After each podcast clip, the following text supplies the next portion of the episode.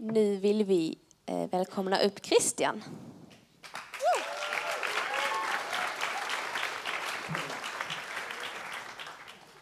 Tjena! Hallå. Hur, eh, vi vill helt enkelt veta lite mer om dig. Vem är du? Vad gör du på fritiden? Vad har du för hobby? Var bor du? Vad... Vad många frågor. Ingen om jobbet, undrar varför. Eh, jag bor i Lund tillsammans med, eh, men jag kommer från Kristianstad. Precis. Eh, tillsammans med min fru Maria och vi har eh, två barn, Alva och Hanna, sex och fyra år gamla. Ja. Och på min fritid, var det en av frågorna? Det var det. Så, ehm, ja, jag sysslar mycket med idrott. Jag spelar pingis, lite fotboll, squash också. Försöker cykla och röra mig mycket. Jag gillar att vara i rörelse. Mm. Eh, och så håller jag på mycket med musik. Mm. Och har alltid gjort. Eh, ja. Man kan lyssna på mig på Spotify. Ni, ni kan eh, egentligen sätta igång det nu, men stäng av ljudet och bara låt det rulla så får jag pengar. Så kan det liksom bara gå så. Så att eh, det är liksom, ta en halv minut nu så, det har jag inga problem med. Nej. Yes, wow. Ehm, nu känner vi lite grann, men för att komma dig ännu närmare så tänkte vi ställa sex snabba frågor. Ja. Eh, vet du hur det kommer gå till? Ja? Vi kommer ställa frågor och du ska svara snabbt. Ja, är, det, alltså, är det ja eller nej eller är det... Det är alternativ, så det är typ eh, Ja, okej. fot eller knäskål. Ja, Okej, men är du beredd? Eh, ja, det får vi se. Vi kör. Yes. Ja. Eh, lakrits eller lakrits? Lakrits.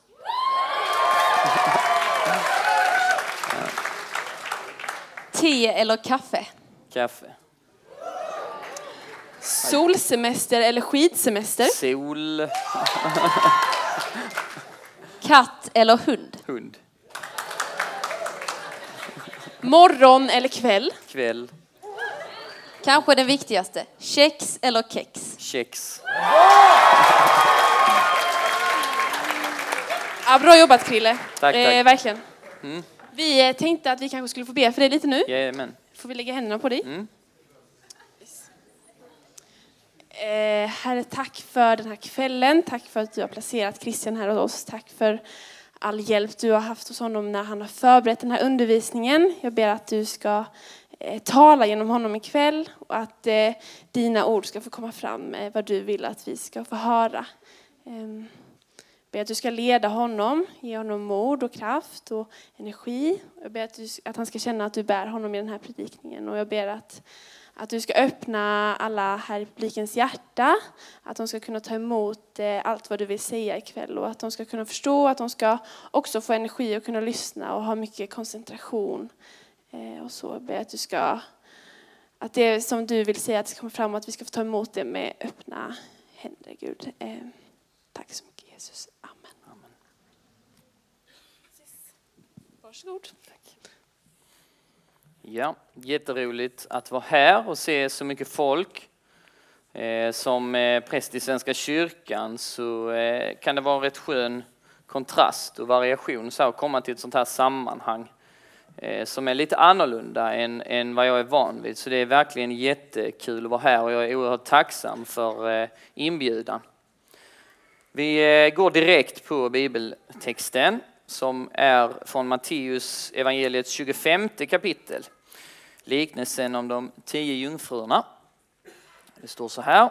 Då ska himmel, himmelriket bli som när tio jungfrur tog sina lampor och gick ut för att möta brudgummen. Fem av dem var oförståndiga och fem var kloka.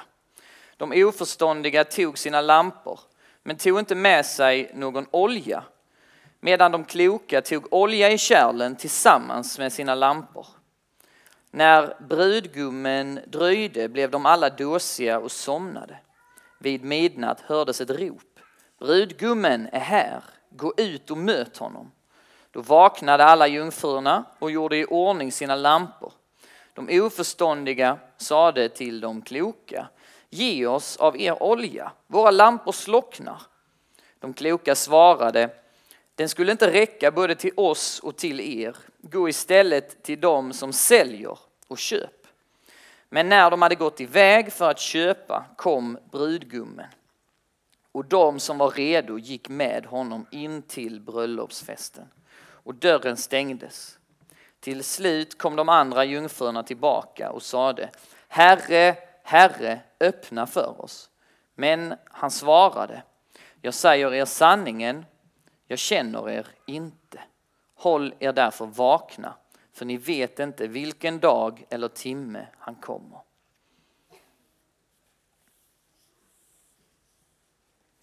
Jag ska bekänna en sak för er.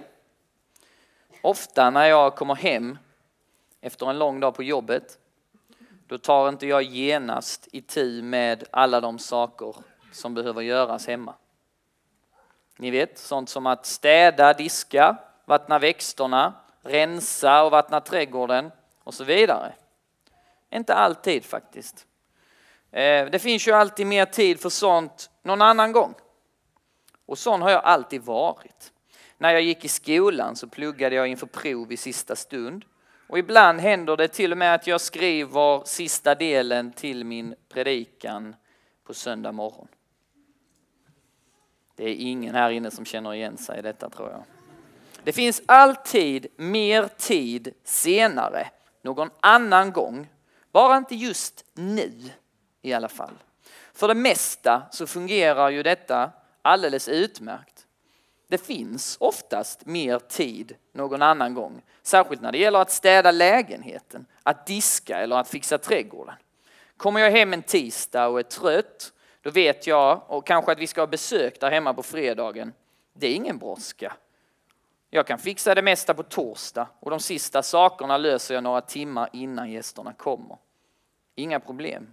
Och gästerna är hur nöjda som helst. Förhoppningsvis. Men så kommer den dagen då barnen vill ta med en kompis hem från skolan. Eller man träffar den där vännen av någon anledning i något sammanhang som man skulle vilja bjudit hem för länge sedan. Och det råkar vara just den dagen som är det perfekta tillfället att bjuda hem honom eller henne. Om bara lägenheten varit städad. Om bara disken varit diskad. Om bara växterna varit i någorlunda bra skick i alla fall. Om jag bara hade varit redo. Liknelsen om de tio jungfrurna handlar såklart inte om att ha sitt hem städat ifall man får oväntat besök. Det handlar inte heller om att se till så att bilen är tankad så man inte blir strandad när bensinen tar slut. Eller om att planera läxläsningen så att man inte står där med en hel hög av böcker när det väl är dags för prov i alla ämnen samtidigt. Det handlar om att vara redo att möta Jesus när han kommer tillbaka för att hämta sitt folk till himlen. Det handlar om att känna honom som sin frälsare och Herre. Det är vår relation till honom, att lära känna honom. Det är det som vi inte får skjuta upp så att vi helt plötsligt står där och har låtit hela livet, oavsett om det är långt eller kort, det är ändå ett helt liv, gå oss förbi när han kommer för att hämta oss. Ingen av oss vet när den tiden är inne. Ingen av oss vet när Jesus kommer tillbaka. Men vi vet att han kommer och att vi ska vara redo. Lite sån här kommentar till den här texten bara för att göra vissa saker lite tydligare. Eh, den här liknelsen om de tio jungfrurna, det är en del av en ganska lång predikan som Jesus håller som handlar om den sista tiden när han ska komma tillbaka. Och den håller han, den här predikan, bara några dagar innan han ska fira påsk i Jerusalem tillsammans med lärjungarna. Alltså den påsken då Jesus blev dödad och då han uppstod tre dagar senare. Och Jesus han håller den här predikan som ett svar på lärjungarnas fråga och den är så här. Säg oss, när ska det ske? Och vad blir tecknet på din återkomst och den här tidsålderns slut? Det är alltså lärjungarnas fråga till Jesus. Och Jesus han svarar med en lång predikan där han talar om historiska händelser som ligger framför lärjungarna och som då från vårt perspektiv redan har hänt. Han berättar också liknelser om sin återkomst och om hur vi ska göra oss redo, som till exempel då den här liknelsen med jungfrurna. Och så lägger han också in en del historiska händelser som ännu inte inträffat, som vi förväntar oss ska hända när Jesus kommer tillbaka. Och det gör att Jesus svar här, det är ganska svårt, det är ganska komplicerat och det kan behövas lite vägledning. Ska man ta ner det på den mer relationella nivån, vad det handlar om, vad är lärjungarna ute efter? Så tror jag man kan säga så här att lärjungarna, de frågar om den yttersta tiden därför att de vill vara förberedda när Jesus kommer. De vill kunna följa med honom in i den nya tidsåldern, det nya, alltså Gudsriket och när det verkligen bryter igenom. Och det är ju samma fråga, samma längtan och önskan som vi har här idag. Ni som har varit här på Puls är ju här, har varit här för att lära känna Guds vilja i era liv. Ni ställer samma fråga för att få er tro stärkt och att stärkas i den kristna gemenskapen.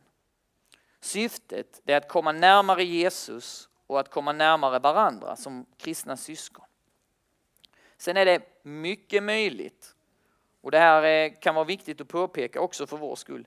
Det är mycket möjligt att lärjungarna när de ställer den här frågan, hur ska det gå till? Vad ska vi göra?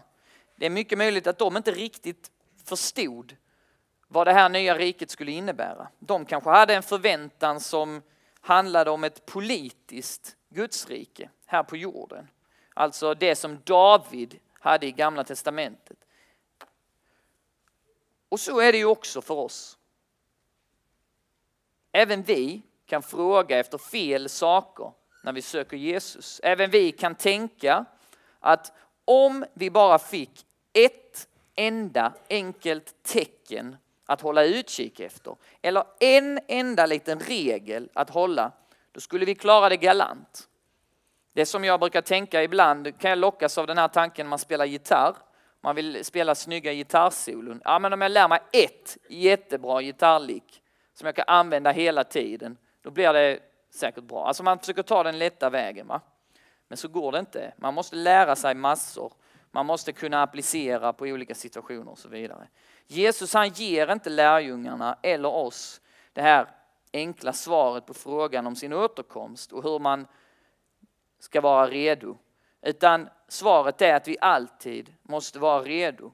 Att hela vårt kristna liv ska vara ett enda långt eller kort, beroende på vad vi får för liv, förberedande för hans återkomst. Vi är alltid totalt beroende av honom. Det finns ingen del av det kristna livet som inte är en del av det här förberedandet. Eller ett förverkligande också av Guds riket här på jorden. Vi ska alltså bjuda in Jesus att ta plats i våra liv här och nu så att vi alltid är redo så som jungfrurna är redo när de väntar på brudgummen. Och som sista, eh, lite också textkommentar, bara lite så nörderier för att man ska förstå en del av sammanhanget. Så den här bröllopsfesten som Jesus han talar om, om man utgår från hur det gick till då på Jesu tid, så kunde en bröllopsfest då vara i sju dagar. Och eh, ja, det är fest alltså. Och den hölls då i brudens fars hem. När det festandet var över så skulle brudgummen leda hem bruden till sitt hem under pompa och ståt. Och i det följet så fanns det vänner till bruden som följde med från brudens hem. Och sen så tjänare från brudgummens hus som skulle komma ut och möta följet. Och de eh, skulle möta följet innan man kom hem till brudgummen. Brudgummen är alltså mannen, bruden är ja, kvinnan. Det om det är någon som är under 15 så kanske man inte använder de begreppen, jag vet inte. Men bruden och brudgummen.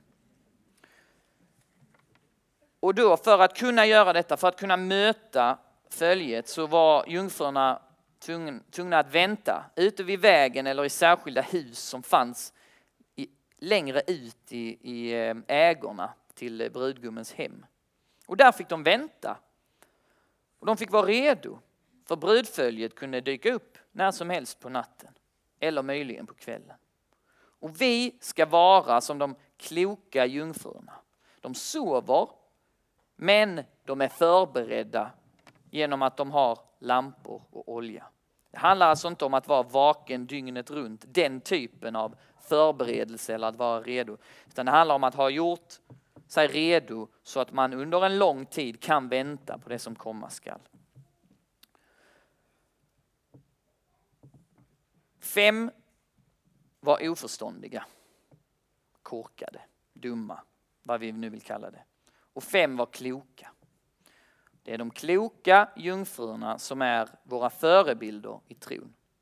Vi vill vara som dem. Men vi behöver också förstå vad som gjorde de oförståndiga till just oförståndiga.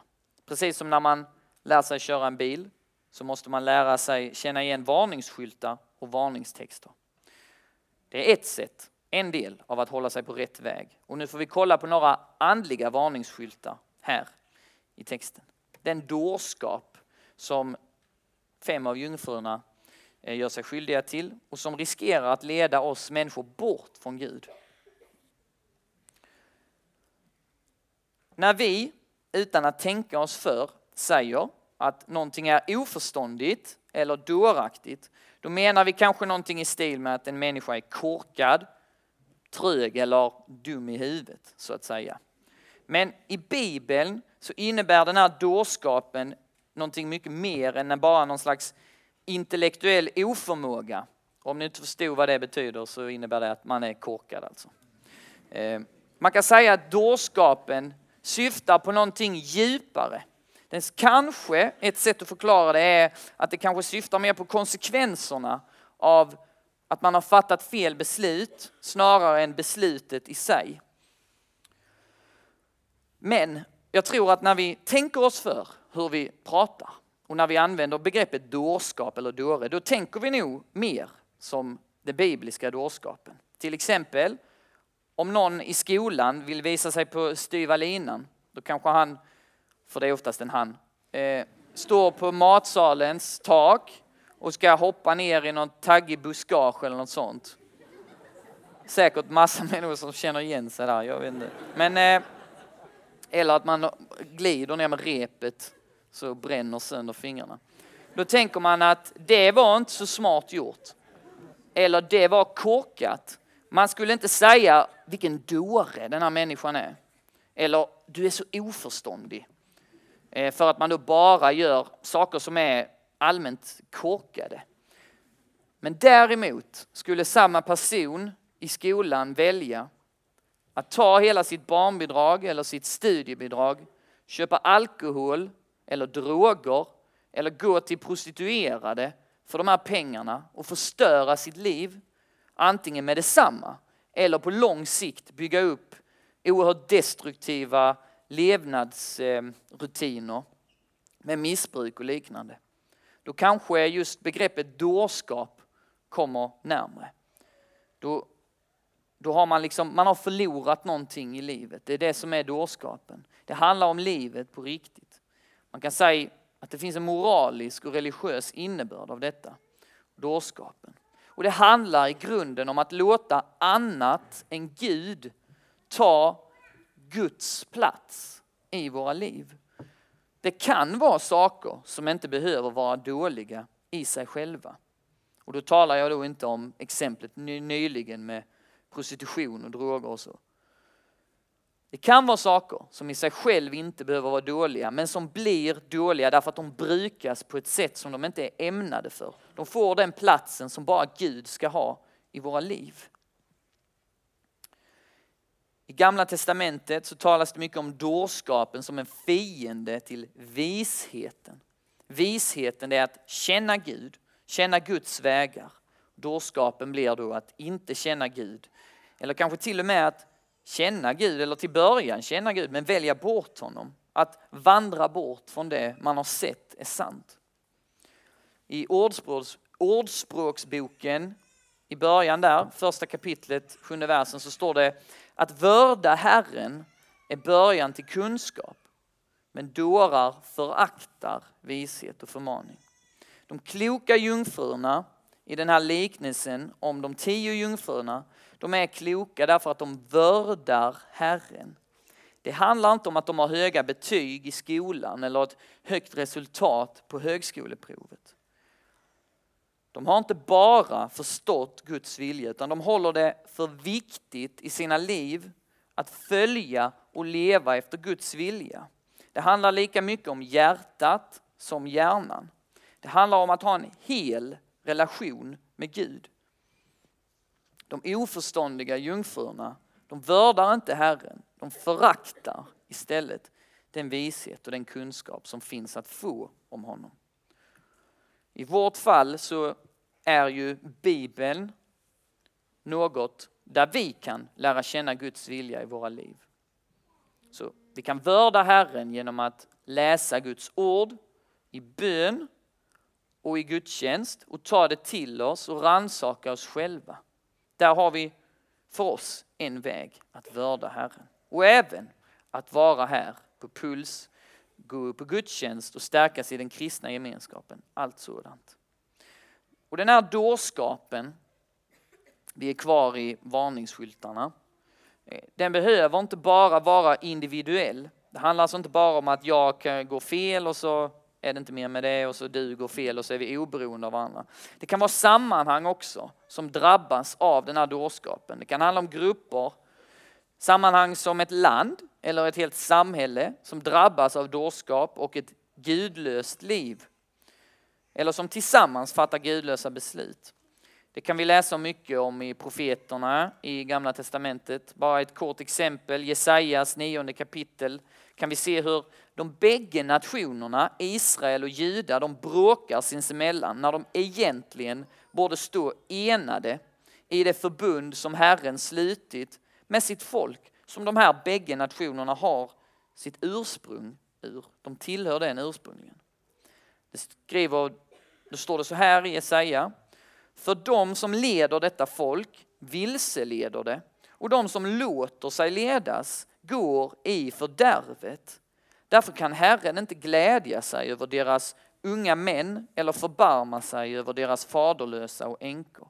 För alla är hycklare och gör det som är ont. Varje mun talar dårskap. Vi kan se hur vår omgivning, förhoppningsvis, och inte då vårt eget sammanhang utan omgivningen drabbas av samma dårskap som de fem jungfrurna utan olja. Och där eh, måste vi som kristna våga vara ljus i mörkret. Då handlar det inte bara om att ha olja till lampan för vår egen frälsning och för vår egen skull. Det hör ju ihop. Va? Men där är det också viktigt att ha oljan för att visa för omvärlden var ljuset finns. Någonting som sticker ut i den onda tillvaron. När samhället går fel, då måste vi stå upp för vår tro, stå emot grupptrycket, våga vara som de kloka jungfrurna. Även om hela vår omgivning är som de oförståndiga. Och kanske, förhoppningsvis, tror jag, har vi också då nåden att få hjälpa eller leda någon eller några till att bli som de kloka jungfrurna. Så till klokheten att bli som de kloka jungfrurna. Det är dem vi ska lära oss av. Hela liknelsen bygger på att jungfrurna har lampor och olja. Inte bara en enda av dessa två. Det är inte så komplicerad bild. Det är som att ha bensin till bilen, batterier till drönaren eller ammunition till sitt vapen. Ni förstår. Men nu kommer någonting som jag tycker är mycket viktigt att säga som en kommentar till detta. Kanske det viktigaste att tänka på. lamporna som de jung, kloka jungfrurna har och oljan det är egentligen inte jungfrurnas egna. Det är i alla fall inte köpt för deras egna pengar. Det är brudgummens pengar som de har fått de här sakerna för. Och vem är brudgummen?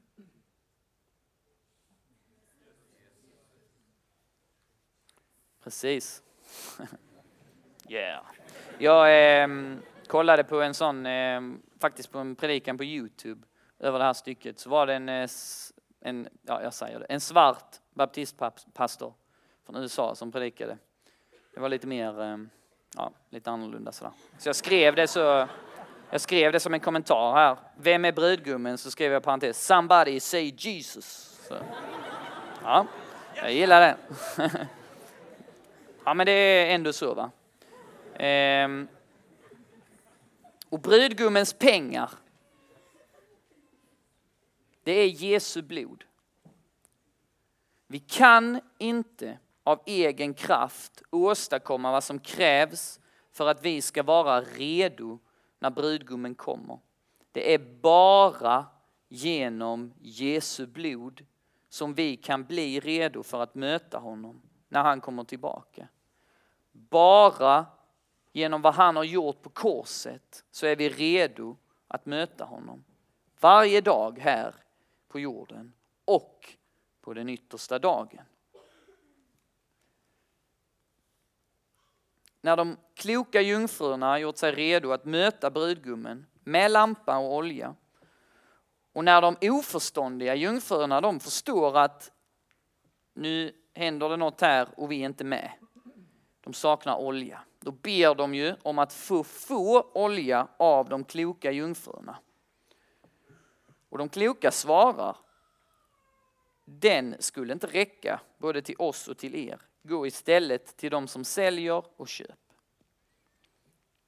Det här är ju, ehm, skulle man läsa den här texten ur ett strikt sekulär humanistiskt moraliskt perspektiv så blir det ju bakut här fullständigt. Är det inte fruktansvärt själviskt av de kloka jungfrurna att inte dela med sig av oljan? Vadå räcker inte? Jag kommer ihåg en gång när jag var liten, då hjälpte jag en skolkamrat i skolan med en skrivuppgift. Det vill säga, jag skrev den åt honom. Han gjorde ingenting. Jag hjälpte honom. Han lärde sig ingenting och när det var dags att skriva nästa uppgift, då var han lika hjälplös som förra gången. Vi kan inte frälsa andra människor på det sättet som de oförståndiga jungfrurna här vill att de förståndiga ska göra. Jesus han möter oss var och en individuellt. Och vi måste själva någonstans ha fattat ett beslut. Även om det är han som möter oss, det är han som finner oss, det är nåden alena och hela köret. Men det måste landa hos oss. Man kan inte överlåta sin egen frälsning till någon annan som har mer olja. Man kan inte överlåta sin frälsning till koncilier, biskopar, påvar, kyrkan, you name it. Vi måste själva ta ansvar för den. Och det är ju ibland så när man träffar människor. Det här är väldigt jobbigt för människor kanske som kanske inte är kristna eller som kanske har en eh, någon slags tro eller koppling till kyrkan men inte fullt ut kanske så som vi tänker oss. Då förstår man inte. Varför tror ni på någonting? Varför tror ni på en Gud som inte bara låter alla komma? Man kan bli så fruktansvärt provocerad av detta. Tanken på att jag får inte vara med. Jag tror inte på det du tror på, men jag ska min själ vara med. Det är... Jag ber om ursäkt, min själ kan uppfattas som en svordom. Det var därför du harklade dig. Suddade. nej men det finns ett problem här och det är ju så som de oförståndiga jungfrurna tänker va. Ja men det är lite innanför, det är lite utanför. Och det funkar inte. Det gör inte det. Det är någon slags stolthet som hindrar människor från att ta steget ut. Men ändå längtar man, ändå vill man någonting. Och så är det där, ja men vadå, får inte jag vara med? Ja men du har ju alla svaren redan själv i så fall. Du vill ju inte tro på det. Jesus bjuder in alla. Porten står öppen. Jesus kallar alla att komma till honom. Det står också att Guds vilja är att alla ska bli frälsta.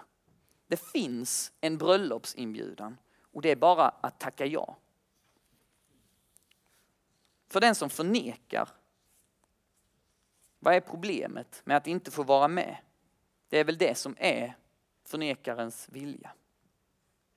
Och jag vill verkligen understryka när jag står här och pratar om detta. Jag står inte här och dömer någon, varken till helvetet, evig död eller gudsfrånvaro. frånvaro. Ehm, lika som det bara är Jesus som är källan till din och min frälsning så är det bara han som är herre över liv och död. Det är bara han som ger tillträde till sitt rike. Bara han.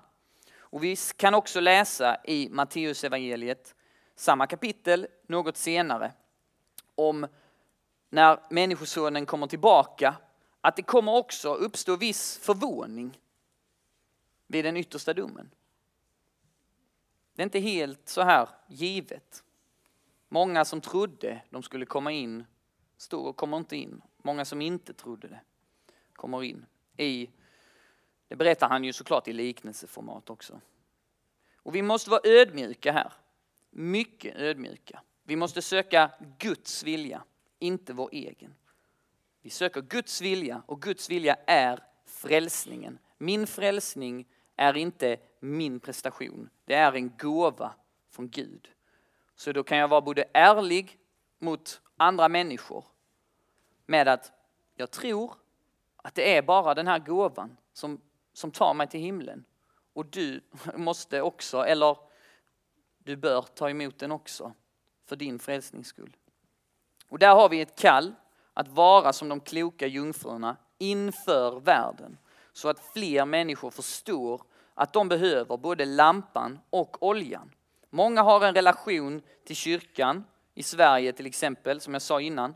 Folk som tycker Jesus, ja, det är en skön snubbe, han gjorde massa bra grejer. Men de ser kanske inte honom som sin herre och frälsare. Man skulle kunna säga att de har lampan men inte oljan. Ska du och jag vara vittnen för dem och bära frukt som består, som är temat här bland annat, då så måste vi också ha det klart med vårt eget förråd av olja. Vem är Herre i ditt och mitt liv? Är tron en av alla saker som kan skjutas upp för att passa in i ett stort livspussel med läxor, träning och nöjen? Eller är det ljuset genom vilket vi ser allting i våra liv? Och återigen, jag säger inte detta för att skrämmas. Verkligen inte. Den brudgummen som vi väntar på skrämmer inte sin brud. Han är full av nåd, villkorslös kärlek och han har varit beredd och är beredd att gå i döden och bära all vår synd för att vi ska vara redo. Han gör detta för att vi ska vara redo när han kommer för att hämta oss till himlen. Allt är redan förberett. Det enda han väntar på är vårt ja till honom. Avslutningsvis så vill jag läsa den text och kort kommentera också som jag tror ni har haft tidigare här en del. Eh, Johannes evangeliets 15 kapitel, vers 1-5. Jag läser bara de fem verserna. Jesus han säger, jag är den sanna vinstocken och min far är vinodlaren. Varje gren i mig som inte bär frukt tar han bort och varje gren som bär frukt rensar han så att den bär mer frukt. Ni är redan nu rena i kraft av ordet som jag har talat till er. Förbli i mig så förblir jag i er. Liksom grenen inte kan bära frukt av sig själv om den inte förblir i vinstocken så kan inte heller ni det om ni inte förblir i mig. Jag är vinstocken, ni är grenarna. Om någon förblir i mig och jag i honom så bär han rik frukt. Utan mig kan ni ingenting göra. Det kanske finns människor här inne som känner sig som en av de oförståndiga jungfrurna. I så fall är du på rätt plats. Vi är fler här som behöver mer olja till våra lampor. Den kristna gemenskapen är för den som inser sitt eget behov av Jesus. För den som vet och ser att han eller hon själv är en syndare. Man går inte till sjukhuset för att man är frisk. Man går dit för att bli frisk. Jesus han kallar och dörren den står öppen. Han vill göra dig, han vill göra mig till en av de kloka jungfrurna. Till en av grenarna på vinstocken. Han vill göra oss till lärjungar och till sina barn. Ta chansen att tala med honom. Inte bara här på Puls eller på andra läger, utan varje dag. Tala med honom. Han hör dig och han talar till dig genom sitt ord i Bibeln och i bönen när vi ger honom det utrymmet. Låt oss be. Herre, tack för det här lägret och för alla människor som samlats här med dig mitt ibland sig. Vi ber att du ska trösta dem som söker tröst här idag. Att du ska ge mer närvaro till de som söker mer närvaro hos dig. Att de som söker din vilja ska få din vilja uppenbarad i sina liv. Herre, jag ber dig att du ska göra oss till de kloka jungfrurna. Att du ska ge oss både lampan och oljan.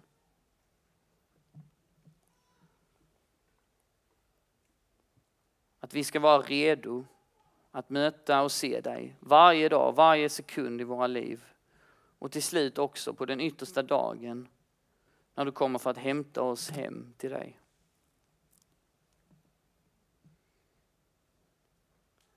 Om allt detta ber vi om i Jesu namn. Amen.